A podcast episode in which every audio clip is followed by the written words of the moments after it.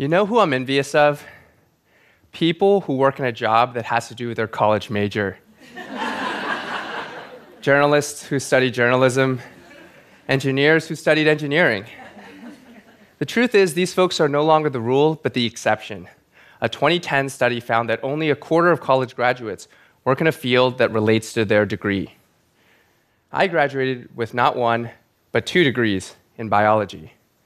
To my parents' dismay, I am neither a doctor nor a scientist. Years of studying DNA replication and photosynthesis did little to prepare me for a career in technology. I had to teach myself everything from sales, marketing, strategy, even a little programming on my own. I had never held the title of product manager before I sent my resume into Etsy.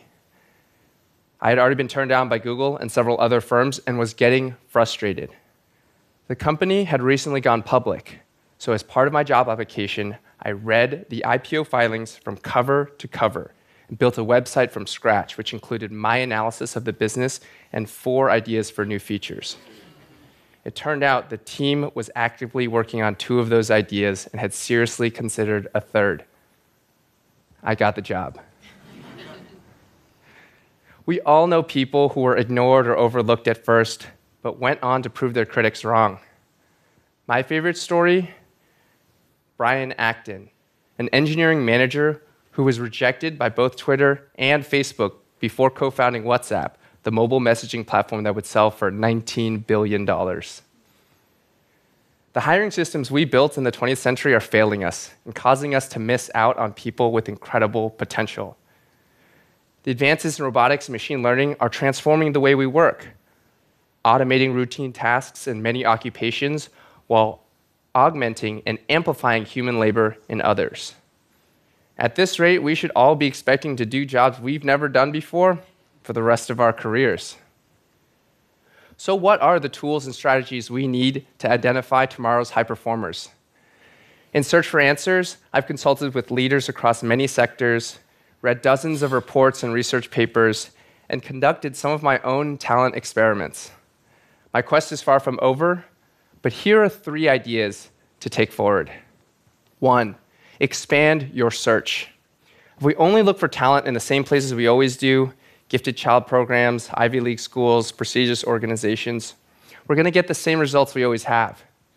Baseball was transformed when the cash strapped Oakland Athletics started recruiting players who didn't score highly on traditionally valued metrics like runs batted in, but who had the ability to help the team score points and win games. This idea is taking hold outside of sports. The head of design and research at Pinterest told me that they've built one of the most diverse and high performing teams in Silicon Valley because they believe that no one type of person holds a monopoly on talent. They've worked hard to look beyond major tech hubs and focus on designers' portfolios, not their pedigrees. Two, hire for performance. Inspired by my own job experience, I co founded a hiring platform called Headlight, which gives candidates an opportunity to shine. Just as teams have tryouts and plays have auditions, candidates should be asked to demonstrate their skills before they're hired. Our clients are benefiting from 85 years of employment research, which shows that work samples are one of the best predictors of success on the job. If you're hiring a data analyst, give them a spreadsheet of historical data and ask them for their key insights. If you're hiring a marketing manager, have them plan a launch campaign for a new product. And if you're a candidate, don't wait for an employer to ask. Seek out ways to showcase your unique skills and abilities outside of just a standard resume and cover letter.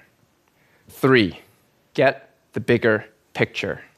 I've heard about recruiters who are quick to label a candidate a job hopper based on a single short stint on their resume. Read about professors who are more likely to ignore identical messages from students because their name was black or Asian instead of white. I was almost put on a special needs track as a child. A month into kindergarten, my teacher wrote a page long memo noting that I was impulsive, had a short attention span, and despite my wonderful curiosity, I was exhausting to work with. the principal asked my parents into a meeting, asked my mother if there had been complications at birth, and suggested I meet with a school psychologist. My father saw what was happening and quickly explained our family situation. As recent immigrants, we lived in the attic of a home that cared for adults with mental disabilities. My parents worked nights to make ends meet, and I had little opportunity to spend time with kids my own age.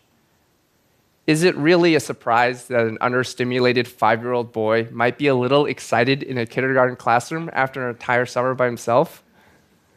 Until we get a holistic view of someone, our judgment of them will always be flawed. Let's stop equating experience with ability, credentials with competence. Let's stop settling for the safe, familiar choice and leave the door open for someone who could be amazing.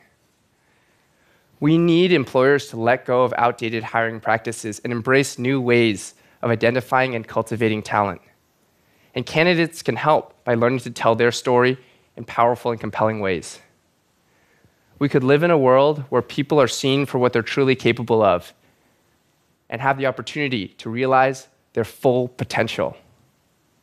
So let's go out and build it. Thank you.